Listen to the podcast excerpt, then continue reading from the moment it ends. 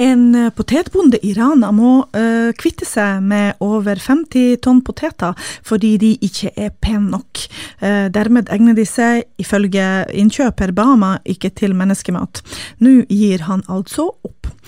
Potetene i nord får et tynnere skall enn de som dyrkes lenger sør, og lagres altså ikke like vakkert. Siden de ikke kunne selges i fjor høst og måtte stå lagra hele vinteren pga. en ombygging av et bakeri, så ville innkjøperen Bama ikke kjøpe dem for å selge dem videre. De hadde altså for dårlig kvalitet. Og hva er for dårlig kvalitet? Ja, poteten hadde groe. Uh, Nå er jeg kanskje en enkel sjel som har vokst opp med den merkelige lærdommen om at det å kaste mat er synd, og av denne oppveksten har jeg ikke tall på mengden av potet med groe jeg har spist opp i mitt liv, og enda sitter jeg nå her iblant oss uten forringa kvalitet på verken liv eller lemmer. Dette er jo innledninga på en kommentar jeg skrev om denne saken, og om totalberedskapskommisjonen som vil at vi skal produsere mer mat. Samtidig som de vil at vi skal produsere mer mat, så viser det seg at vi produserer i overflod av mat som eh, gledelig kastes. Hvordan har vi handla i dette paradoksale landskapet? Det skal vi snakke litt eh, mer om eh, i dag. Når det gjelder matproduksjon, så er det faktisk ingen enkle svar eller løsninger. Når det gjelder arktisk matproduksjon, enda mindre. I tillegg så snakker vi da selvfølgelig om den store debatten om Tromsø sentrum, eh, som har virkelig tatt fyr eh, og tatt av i denne byen. Og det og både lærd og ulærd har ment veldig mye om det. Vi har fått en lærd til å stille opp, en forsker som skal fortelle oss hva et sentrum skal eller bør være for fremtiden. Så kan vi spørre oss, er det sentrumsdød, sentrumsglød, eller har vi allerede begravd Tromsø sentrum dypt under bakken? Og til slutt så skal vi snakke om kreft. Ikke kanskje en lystig tema, men de, veldig mange overlever kreft og får det bra.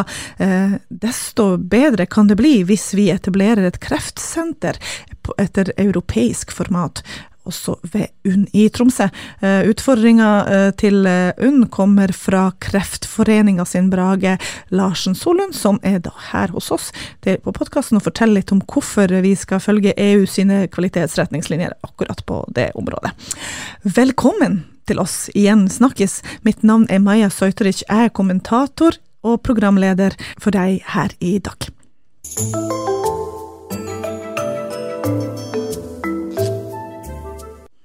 Mat, det må vi alle sammen ha. Uh, helst i uh, gode mengder, god kvalitet, uh, og det skal nå helst også være sunt og grønt så ofte som mulig. Det er kanskje ikke så lett å få til i Nord-Norge. Arktisk landbruk er ikke for de lettskremte, men desto hyggeligere når man får til både potet og gulrot. Nå viser det seg da i en senest, den seneste undersøkelsen fra NIBIO viser at vi er jo faktisk underproduserer på både potet og gulrot, noe som jeg trodde var helt benk bankers i denne landsdelen. Men matproduksjon er under uh, alvorlig press fra forskjellige uh, kanter, uh, og det har, jo, det, har, det har, vi jo fått opplevd og sett ganske mye av de senere ukene, da en bonde i Rana måtte kvitte seg med 60 tonn poteter fordi Bama ville ikke kjøpe dem fordi de hadde groer på. Etter at jeg leste den saken, så skrev jeg en kommentar, og da har det rydd inn med både reaksjoner og Eh, ganske oppsiktsvekkende informasjon om hvordan landbruket eh, i Norge foregår, og eh, ikke minst hvordan, hvorfor det er så vanskelig for oss å få tak i varer som produseres lokalt. Med meg i studio i dag har jeg folk som har jo på en måte prøvd å løse det her på hver sin måte. Vi har Beate Mortensen med meg. Hun er ingeniør, men så hun, har hun også planer om å være selvforsynt fra sin hytte hytteeiendom på Sommerøya. Eh, hei, Beate. Heia. Hei. Og så har jeg også med meg eh, eh Senterpartipolitiker, men ikke minst økobonde Mats Hegg Jacobsen fra Jacobsen på Berg. Han skal også fortelle litt om hvordan det er å være eh, småskalabonde i eh, Nord-Norge som prøver seg på kvalitetsprodukter. Hei, Mats. Hei sann. Hei. Vi starter med deg, Beate. Eh, takk for at du kunne komme. det er ikke ofte vi har ingeniører på podkast. Det kan jeg tenke meg. Men uh, det er jo veldig hyggelig. Uh, og ikke minst for vi skal snakke om det å være selvforsynt. Det er en trend i tiden. Veldig mange folk har lyst til å være selvforsynt. Uh, det er jo pallekarmer som popper opp overalt, og små parseller og sånn. Hvorfor vil du være selvforsynt? Eh, egentlig så dyrker jo jeg fordi det er jo en, min hobby. Mm. jeg begynte med hage og blomster og det, og så eh, hadde jeg lyst til å utforske det med grønnsaker, så det, det starter jo sånn Det er jo en, noe som jeg eh, leker meg med og har det gøy med. Ja. Det er egentlig ikke selvforsyntanken som har har vært på en måte der jeg starta. Men den har liksom kommet mer og mer, og det handler vel egentlig mest om at jeg vil utfordre meg sjøl og se hva som går an. Ja. ja. Og hva, hvordan utfordrer du deg sjøl? Sommerøy det er ikke veldig mye fet jord der ute, vil jeg tro. Jeg er heldig jeg har et område som det har vært Det er gammel beitemark, så ja. det er faktisk ganske feit og fin jord. Så jorda er faktisk veldig fin. Ja. Eh, men det er jo noen Det er tidlig vår der. Så det, det er en fordel. Men det er, det er veldig mye vær der. Ja. Så det er både fordeler og ulemper. Så du har jo vært profilert i en sak eh, ja. i Nordlys, eh, hvor eh, min kollega har intervjuet deg om at du ønsker å ha, eh, dyrke nok poteter og gulrøtter til å vare det over vinteren. Så altså du skal ha et lager på seks måneder ish. Eh, hva krever det? Av deg, og av hvor mye areal må man ha for å ha et uh, lager for en familie? ja, altså eh, jeg har lest eh, noe som heter Beredskapshagen. Han har jo undersøkt det her litt mer. Jeg er jo mer på hobbybasis, men, eh, men at du for en familie på fire, tror jeg, så må du faktisk regne 200 kvadratmeter. Mm. Men jeg har da 100 kvadratmeter ca. Mm. Pluss at jeg har et drivhus på 35 kvadrat. Ja. Men nå har jo mine unger flytta ut, så det bør jo egentlig holde til meg og mannen. Man skal ikke være grådig heller. Men hva slags poteter er det du dyrker, da? Poteter? Ja. ja. Vet du hva, det er litt artig, fordi at jeg, har, jeg er med i noe som heter Kvann Eh, Norwegian Seed Savers, mm. som driver og tar vare på gamle kulturarvsorter. Mm. Så jeg har en sånn eh, spesialpotet. Ah, ja. ja, fortell! som er, jeg husker navnene på dem, men det er en eh, Blå Kongo er jo ikke så Det er en blå potet. Så det er en som heter eh, Buddhisten fra Snåsa. Å oh, ja. Ja vel. Ja. Det er jo vel. Det har, en historie med det bak det navnet. Ja. Jeg tror det var en som heter Engleivseple, og en som heter Åspotet, kanskje. Men er det, er det sånn for, for det er morsomt å prøve noe som du ikke Eller for de er sånn poteter som kan finne på å trives veldig godt i eh, De kjøpt, fikk jeg sånn, eller kjøpte som miniknoller fordi at det er noe som man som Kvann og de her, de vil at det skal testes flere steder, da. Så det er litt sånn spennende å prøve ut. Men jeg har jo også eh, vanlig Nansen, tror jeg, og, og gull. Eh, nei, gullet har jeg ikke i år. En mandel. Ja. Man må jo ha mandel i Nord-Norge. Men hva annet uh, dyrker du, uh, som du vet er liksom uh, kan forsyne deg over vinteren og høsten? løk i forskjellige varianter. Så jeg brenner litt for at man Altså hvis man skal være selvforsynt, så må man også tenke å spise litt i sesong. Mm. Eh, så, og, så, løk har jeg funnet Det finnes jo så mange varianter ut av løk. Så når jeg sier løk, så tenker de fleste på den gule, runde løk. Men man kan dyrke flerårig løk, f.eks. Og så hvis man måte, kan erstatte bruk av den vanlige gule løken med type altså mer som vårløk lignende, altså flerårig løk, så bruker du det grønne av løken. Det går faktisk ganske fint. Da kan man ha løk over hele, altså fra mai til eh, For de kommer tidlig, de flerårige løk. Veldig bra for oss som er utrolig klar. Ja, vi er klar. Og ikke bare vi, men også uh, bondestanden er klar til å begynne å dyrke sånn på ordentlig, Mats. Mm. Uh, dere venter også på den sene våren skal komme i gang. ja, vi står og tripper nå for å komme ut på jorda for å begynne. For det har vært, men det er så mye vann foreløpig. Men uh, vi håper den tørker litt opp nå. Ja, det er jo litt skummelt med potet og vann. Ja, ja. det er ikke en mm. god kombinasjon. Nei. Nei. Men du, du har jo dyrka økologisk. Ja. Eh, og gjør det fortsatt. Eh, ja. Og det er småskala eh, produksjon av kje og villsau og litt sånn. Hvis man går på litt sånn fine restauranter i denne byen, så kan man jo finne produkter som har kommet fra deg. Ja. ja. De som på en måte kjøper lokalt. Mm. Hva ser du på Du er en urban bonde. du er bynær. Hva ser du på som største utfordringa for den typen eh, landbruk du har valgt å drive på med? Ja, Den største utfordringa er jo at vi har jo ikke noe hva skal jeg si, salgsapparat i, i bak i ryggen. Så vi må gjøre det sjøl. Eh, og det blir veldig eh, variabelt hvordan man får det til fra bonde til bonde. Eh, jeg er heldig og bor veldig nært byen. En stor by som Tromsø som har restauranter, som du nevner, og folk som har lyst på den råvaren. Eh, så for min del har det gått ganske greit å selge det. Eh, men, eh, men, for andre som bor litt lenger unna osv., så, videre, så er det ikke eh, like enkelt. Så jeg er en stor utfordring for at folk skal klare å nå disse produsentene, mm. som har mulighet til å produsere mer. Du har 100 kvadrat, jeg har ca. 70 mål. Mm.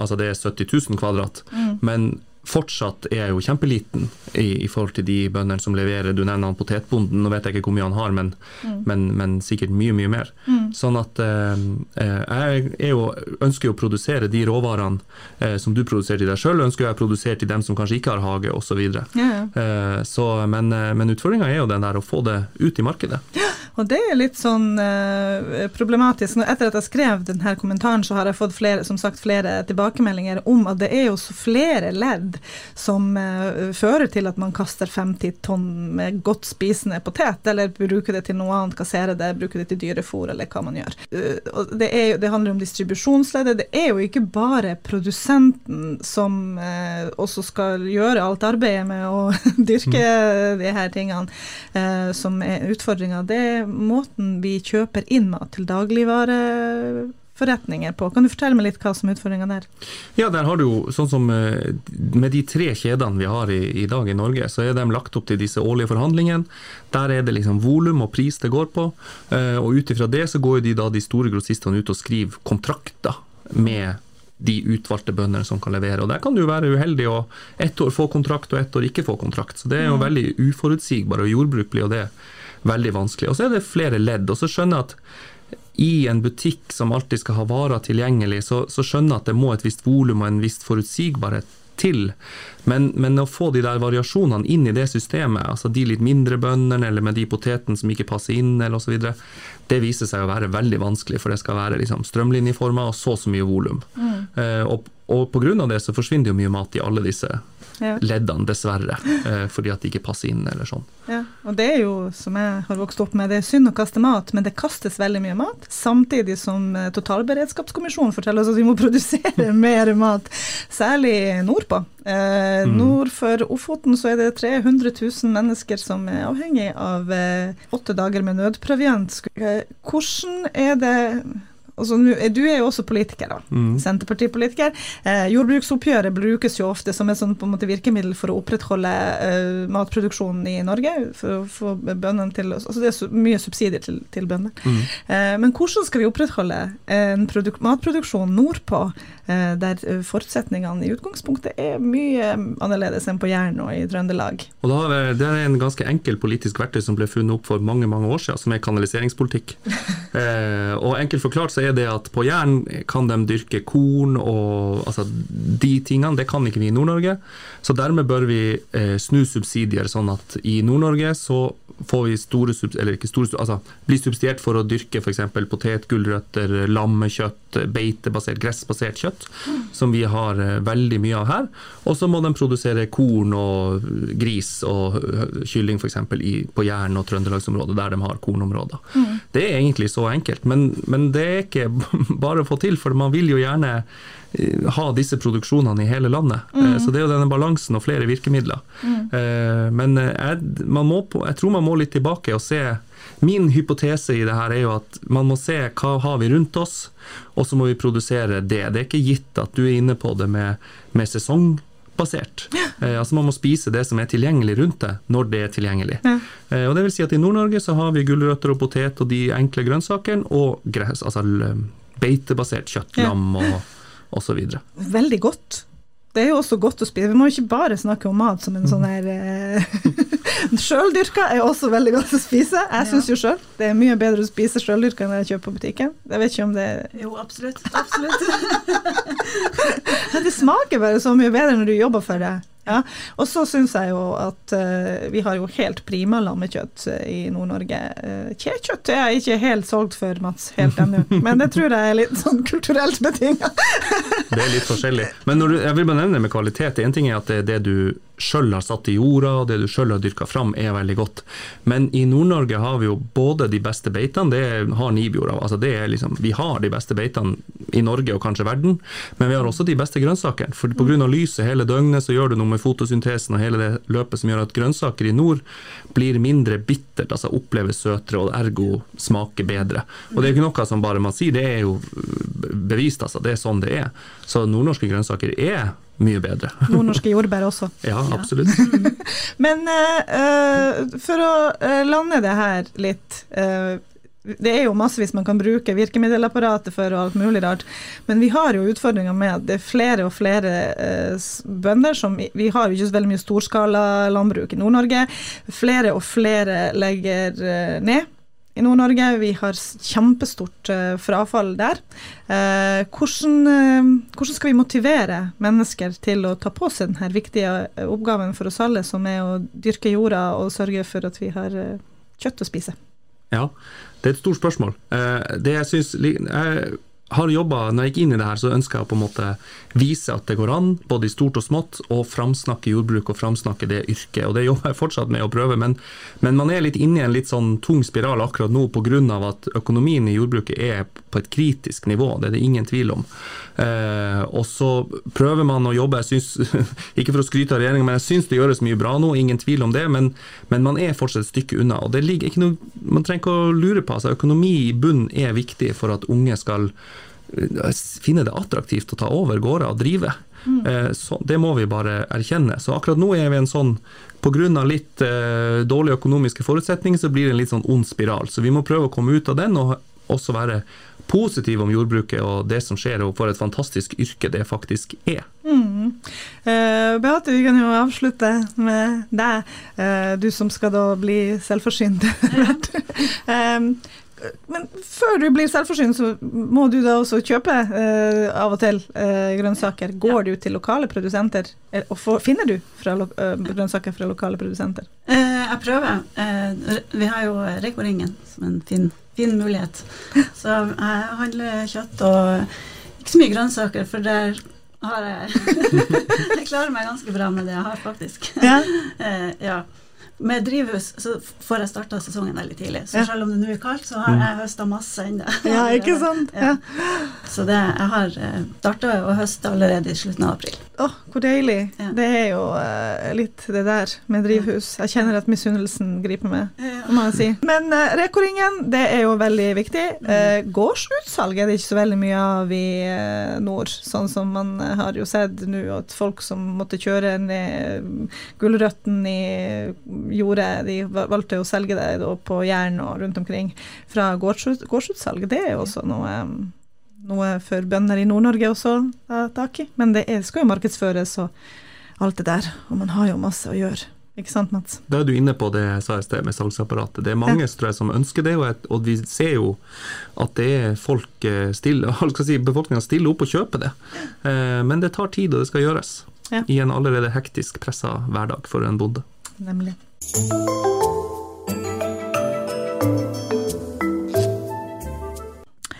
Da er vi i en ny Tromsø sentrum-debatt. Jeg har bodd i denne byen i vel over 25 år, og det har jo kanskje vært et årlig foreteelse at vi har snakket om Tromsø sentrums nært forestående død. Eh, er det sentrumsdød vi er vitne til, eller er det en glow-up, som det heter på internett? Eh, vi eh, får se. Det har vært mange har uttalt seg om denne saken, både Fanden og Hans oldemor, holdt på å si. Men også forskere på universitetet Universitetet i Tromsø har uh, ment noe om det her. Uh, Førsteamanuensis Kjersti Karijord Smørvik uh, og meg, Kristin Vespestad, som er professor ved Universitetet i Tromsø sin handelshøyskole, har skrevet en kronikk til oss i Nordnorsk debatt om akkurat det her med Tromsø sentrum og byer som opplevelsessentre. og da har jeg jo vært så heldig at hun, Kjersti kunne komme inn til meg her til podkasten og prate litt om det her. Hei, Kjersti. Hei. det var jo veldig koselig at du hadde tid. Um, jeg lurer på, uh, er denne debatten helt unik for Tromsø sentrum, eller diskuteres sentrumsutviklingen i, i Norge sånn ellers? Uh, absolutt. Det er ikke en uh, diskusjon som er unik for Tromsø. Hvis man går i en del lokalaviser rundt omkring i Norges land, så vil man se at dette er en debatt som uh, får stor oppmerksom i mange byer, også i Nord-Norge. Mm. og man trenger ikke å dra lenger enn til Harstad eller Bodø for å finne en del av de samme diskusjonene.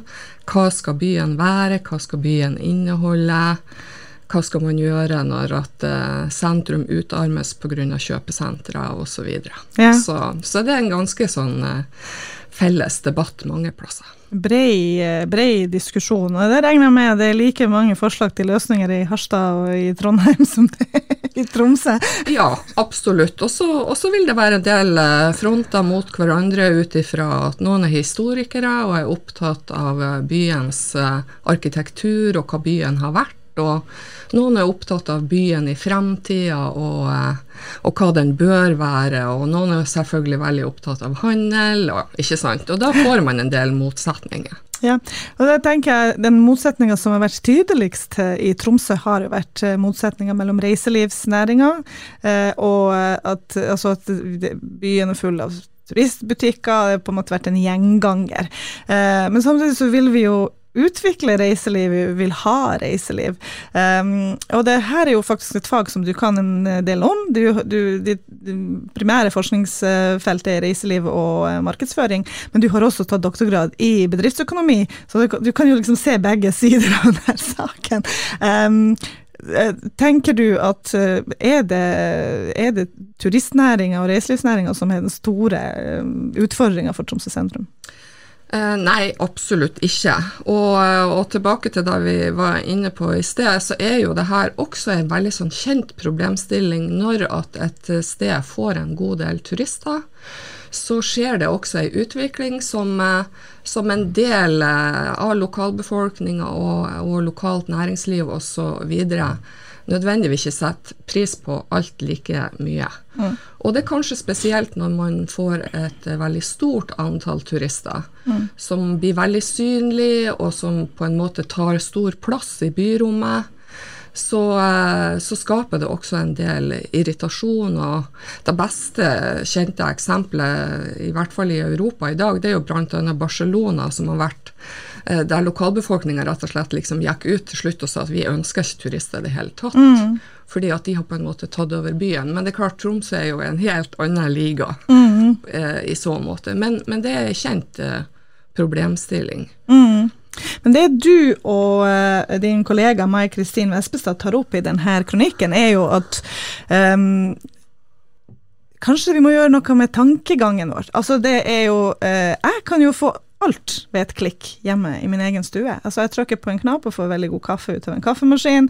Jeg trykker på to knapper, kanskje, og så kan jeg kjøpe meg en kjole, et par sko, planter, frø, som veldig mye av nå som jeg ikke har sådd, eh, som jeg kan få levert eh, på døra i løpet av én til to dager. Jeg trenger jo ikke engang å fære på et kjøpesenter for å handle det meste jeg, trenger. Eh, men jeg er jo veldig glad i Tromsø sentrum. Um, er, det, er, det, sånn at vi er litt lost i denne tanken om at vi skal uh, kjøre dør til dør og handle i butikker? Ja, jeg tror nok en, eh, en del, spesielt den eh, eldre befolkninga, er nok kanskje litt fremdeles der. Men, men, dagens unge, som du bl.a. er inne på når du referer, refererer til deg sjøl og, og, og, mange av oss Og det likte jeg å høre. blir jo stadig mer opptatt av at det finnes alternativ. Ja. Og vi, vi, vil gjerne ha det så enkelt som mulig. Mm. Og, og, noen ganger så, så, orker man ikke å dra til byen og gå fra klesbutikk til klesbutikk for å finne noe, eller eh, parfymeri, eller eh, andre typer eh, vareleitinger. Fordi at hvis man går på nettet, så finner man akkurat den størrelsen man ønsker, man finner akkurat den modellen, den merkevaren. Mm. Og det er sånn som du sier, det er et klikk unna. Mm. Uh, og så har du kjøpt det, og så får du det hjem. Ja. Uh, til og med levert på døra. Mm. Uh, så derfor så må nok byene og næringslivet og handelsnæringa i større grad se seg sjøl som tilbydere av noe mer mm. enn bare tradisjonelle varer, men at de også skal tilby opplevelser som vi har skrevet litt om da, ja. og kommer inn på i denne kronikken. Hva slags opplevelser vil vi ha da? Eh, det har jo bl.a. kommet en rapport eh, i 2019-2020, før pandemien et sted, eh, som heter faktisk 'Fra sentrumsdød til sentrumsglød'.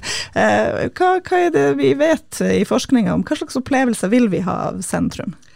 Eh, det, det som, eh, som, er litt interessant, er jo det at vi mennesker er jo, vi, vi er jo ikke så avanserte vesener, men vi er sosiale. Og vi liker, vi liker å bli underholdt. Vi liker gjerne å lære noe. Vi er opptatt av estetikk. Og, eh, og, vi liker også litt sånn virkelighetsflukt. det er liksom fire sånne hjørnesteiner innenfor forskninga, da. Ja. Uh, og, og, derfor, så, så, når man kommer til et, et bysentrum, så uh, så blir det mer og mer vanlig at man liksom snakker om hva, hva, hva kan man oppleve i byen, hva kan man se? Er det, er det fine lekearealer man kan ta med ungene, så de kan uh, utfolde seg og ha det artig? Finnes det kafeer som, eh, ja, som, har kanskje både uterom og innerom? Mm. Uh, finnes det mm, ja, ulike former for, for opplevelser som, som, trigger oss litt og utfordrer oss litt, og gir oss litt mer? Uh, et sånn godt eksempel på det her er f.eks. det som bibliotekene har vært igjennom. For bibliotekene var jo opprinnelig ganske sånne kjedelige eh, bygninger mm. som man gikk inn i og skulle være stille. ja, og du skulle liksom gå rolig mellom hyllereolene og sånn. Ja. Men i dag så er det jo flere og flere bibliotek som er rene, skjære opplevelsessentrene. Mm. Og vi er jo veldig velsigna med et flott bibliotek, må jeg bare si. Ja, ikke sant.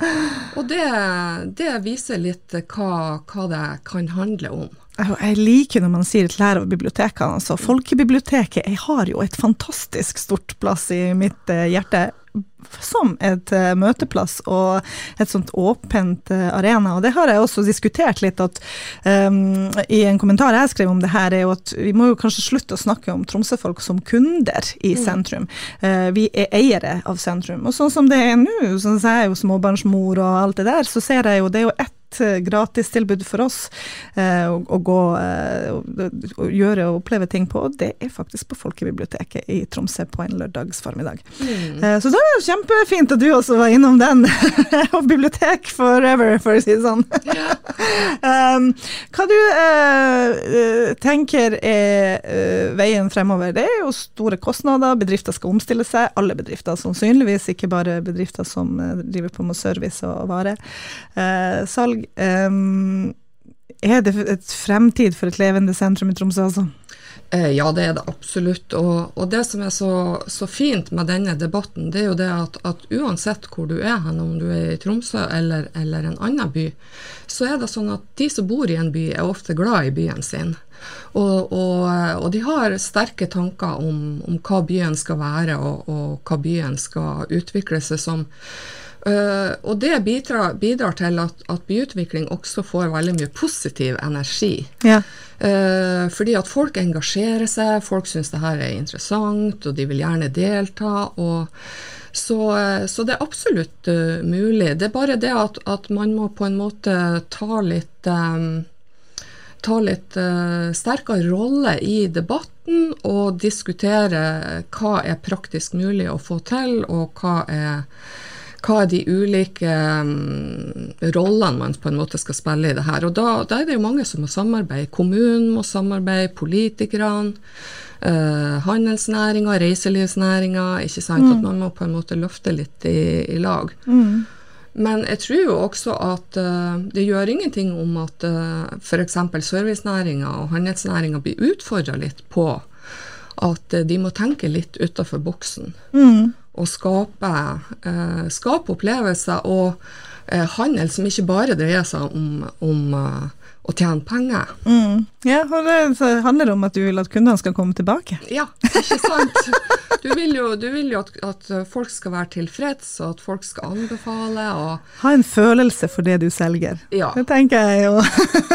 og så er det jo noen butikker i dag som faktisk er blitt veldig gode på at, at de nesten har butikken sin som et slags sånn showroom, et dårlig norsk ord, da, men, ja. men også selger de varer på nett i tillegg. Mm.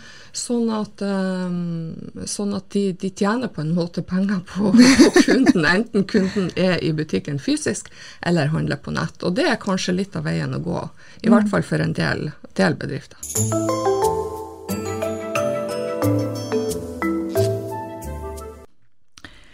Likeverdig helsetilbud, det er det vi skal ha i Norge. Vi forventer å uh, få den behandlinga vi trenger, når vi trenger det, så nært hjemme som overhodet mulig. Det gjelder i hvert fall sykdommer som er livstruende og um, kan medføre langvarige konsekvenser, uh, som f.eks. kreft. Det mener leder i distriktskontoret i Nord-Norge, Brage Larsen Sollund, kan løses veldig godt ved at Universitetssykehuset Nord-Norge i Tromsø etablerer et kreftsenter. Og det skal vi snakke litt om i dag. Hei, Brage. Hei. Takk for at du eh, kom eh, til oss. Eh, hvorfor skal Universitetssykehuset i Nord-Norge ha et kreftsenter? Hvorfor ikke noen av de andre sykehusene i landsdelen? Altså, Først må jeg bare si til eh, liksom, innledninga di at eh, ni av ti kreftpasienter er veldig fornøyd med behandlinga de får i det norske helsevesenet. Så vi har et veldig godt helsevesen der folk liksom får den hjelpa de trenger. Og eh, når du tenker at kreft er en veldig alvorlig sykdom, så når ni av ti er fornøyd, så sier jo det på en måte litt om Det er våre undersøkelser blant de som har har hatt kreft. Da. Så det, vi har et veldig bra helsevesen, og vi tar til orde for et eh, sånn eh, kreftsenter, og her etter en europeisk standard også. Så er det for at når vi ser fremtida, så kommer det til å være behov for å løse de oppgavene på en annen måte enn vi har gjort til nå. Ja. Og vi ser på kreft så kommer det masse nye medisiner, vi får mer persontilpassa medisin, vi får flere kliniske studier, og da trenger vi en annen type kompetanse og tverrfaglighet enn det man hadde før. Mm. Hvis du går liksom 100 år tilbake til tida, så var jo all kreftbehandling på Radiumhospitalet, og du oppdaga kreft, og du visste ikke De fleste fikk jo ikke behandling, og de som fikk de, ja det var hva skal du gjøre nå? Men nå mm. er det jo utrolig mange flere som overlever, og det skyldes nye medisiner, men de er også mer avansert, mer komplisert, og da trenger vi samarbeidet på tvers, og da kommer et sånt kreftsenter inn i bildet. Ja, og da mener du at UNN er det stedet i Nord-Norge hvor uh det kan være gjennomførbart fordi pga. den tette koblinga til Universitetet i Tromsø? Altså Vi i Kreftforeninga vi, vi, bryr oss jo ikke hvor det er, det er ikke viktig for oss om det er liksom under. Men Norge har nå valgt en sånn eh, sykehusstruktur. De har et regionsykehus, og det ligger i Tromsø og er i tilknytning universitetssykehuset. Jeg tror det er ganske ambisiøst å få et sånn eh, kreftsenter i, i Nord-Norge i det hele og det store. Det finnes bare ett i Norge, så ja, det er i Oslo. Ja, det finnes ett i Oslo. Det har vært der siden 2017, sånn Comprehensive Cancer Center, da, som det heter. Mm. Og så prøver Haukeland å få også sånn akkreditering og jobbe med det nå, da. Ja, og i Oslo er det også tilknytta universitetssykehuset, altså Oslo universitetssykehus. Ja, um, det her handler jo om noe som du da nevnte i sted, som vi må kanskje bore litt inn i, uh, og det er kliniske studier. Uh, du må fortelle oss litt sånn uh, hva, hva det betyr. Hva er kliniske studier når det gjelder kreft? Ja, det er jo at man tester ut medisin mens det enda er liksom i en sånn testfase. Så hvis du ikke har en medisin som virker, så kan du gå i en sånn studie da, der man ser ja, kan denne medisinen virke.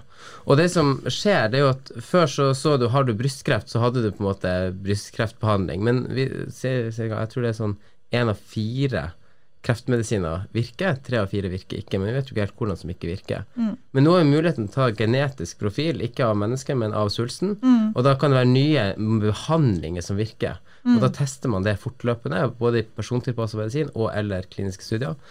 Og da er det på en måte en helt annen Altså Det er utrolig mange med flere muligheter for behandling, da. Og det mener vi at bør være også i Nord-Norge, da. Eh, hva er det de her kliniske studiene tilfører eh, fagmiljøet, da? Altså, for å bli et sånn comprehensive cancer center, så må ca. 10% av eh, pasientene behandles med klinisk studie. Det bør være en ambisjon for også eh, Universitetet i Tromsø. Vi i Kreftforeninga vi, vi, ga penger både til Nordlandssykehuset og til UNN i fjor for at de skulle styrke infrastrukturen rundt kliniske studier. Og det er jo kanskje særlig for de pasientene der vi i dag ikke har behandlinger som virker, da. Mm. Og så har du sånn Dette kan virke. Vi vet jo ikke om det blir bedre. Men du kan på en måte gå inn i en ny klinisk studie. For noen så kan jo det på en måte redde liv, Mm. og du kan da på en måte si at ok, det hadde effekt, eh, og da er det på en måte mye bedre. Mm, da kan man bruke det på eh, nye pasienter og pasientgrupper etter hvert, da. Ja, og da Eh. blir det jo på en måte persontilpassa medisin. Ja, persontilpassa. Mm. Det er jo noe også sånn som du sa, eh, for 100 år siden så var det Radiumhospitalet, og så fikk man jo eh, ofte dødsbudskapet hvis man fikk kreft. Nå er det veldig mange som overlever kreft, det, men så er jo også eh, kreftbehandlinga blitt enormt spesialisert. Kan du fortelle litt om det? Så Før så var du, dro du til en onkolog, og så var det det samme om du hadde ja, endetarmskreft eller strupekreft. Det var liksom Men nå er det mye mer spesialisert eh, behandling. Ja, altså Jeg var nå for et par dager siden på kong Olavs kreftforskningspris, og da gir vi liksom pris til en av de virkelig flinke forskerne vi har i dette landet. Og da var det ei som er sånn lungekreftforsker som fikk den. Og hun sa at når hun begynte med lungekreft, så var det sånn Det man gjorde, det var å sette diagnosen seint, så han kunne leve lengst i håpet. Altså Det var på en måte det man tenkte, at man skal utrede lenge nok, sånn, for at lungekreft var en dødsårsak. Men så begynte man å få masse sånne nye medisiner, også immunterapier og, og sånn, som begynte å virke. Og så var det jo en annen forresten også fra Tromsø, Stian het han, eh, som var på det arrangementet, da, som ble sittet på en sånn klinisk studie av Årslaug, og som eh, egentlig ikke trodde han kom til å oppleve at sin sønn eh, ble født, som nå lever i dag. Eh, sønnen er fem år, og som var liksom inkludert i en sånn klinisk studie da, mm. veldig tidlig fase. Og så håper jo eh, For legemiddelselskapene er det veldig gevinst, for at hvis du da hvis, hvis det blir liksom en suksess, så har de en ny medisin, kjempebra. Eh, og for pasientene er det kjempebra. Ja. at Du får et, på en måte et nytt håp.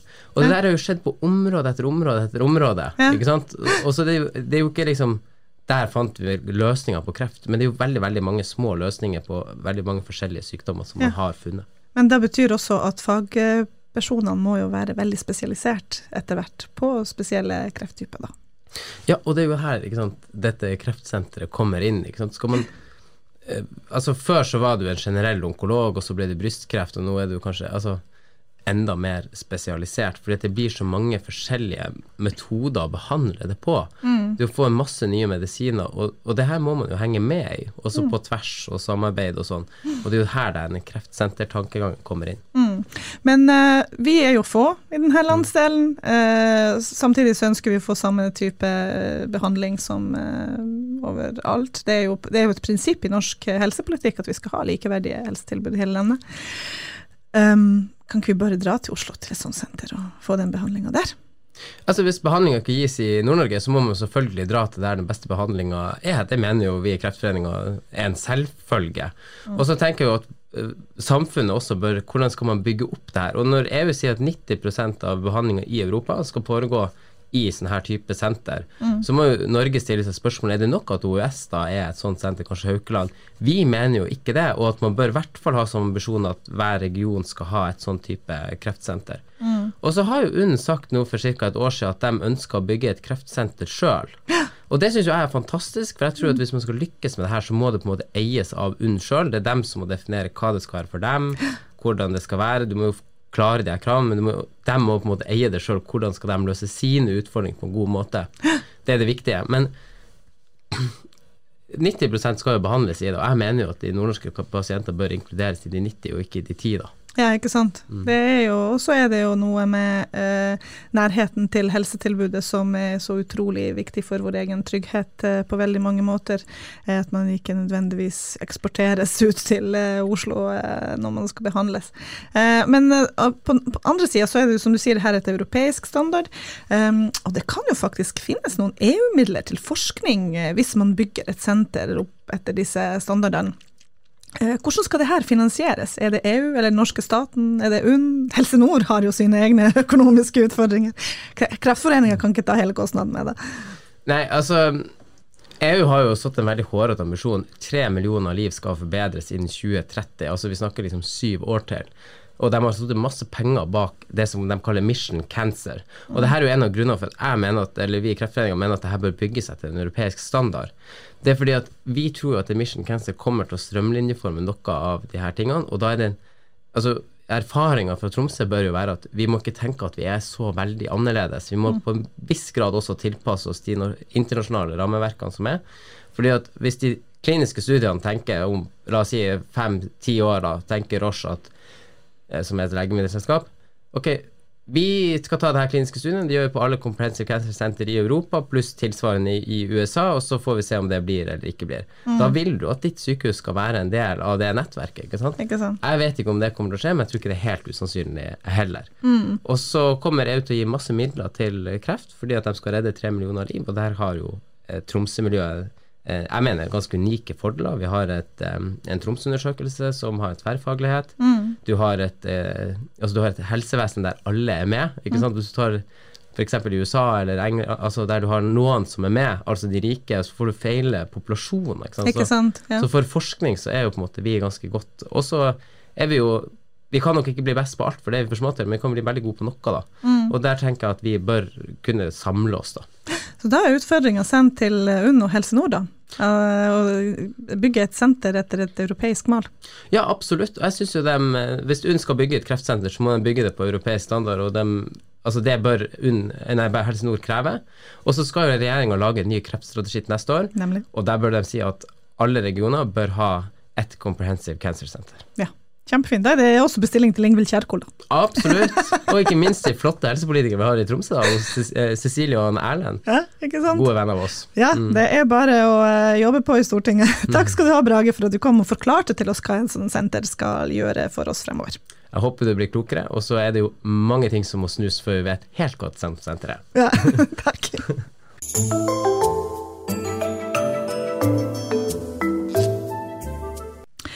Takk for at du lytta også til denne episoden av podkasten Snakkes som Nordlys produserer.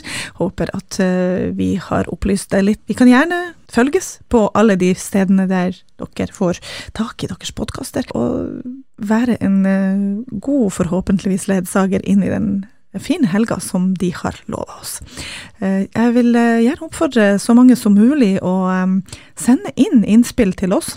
Kanskje er det noen saker som dere syns er kjempespennende, men som vi forbigår eller overser fordi livet er altfor raskt. Tusen hjertelig takk for meg, og ha det bra.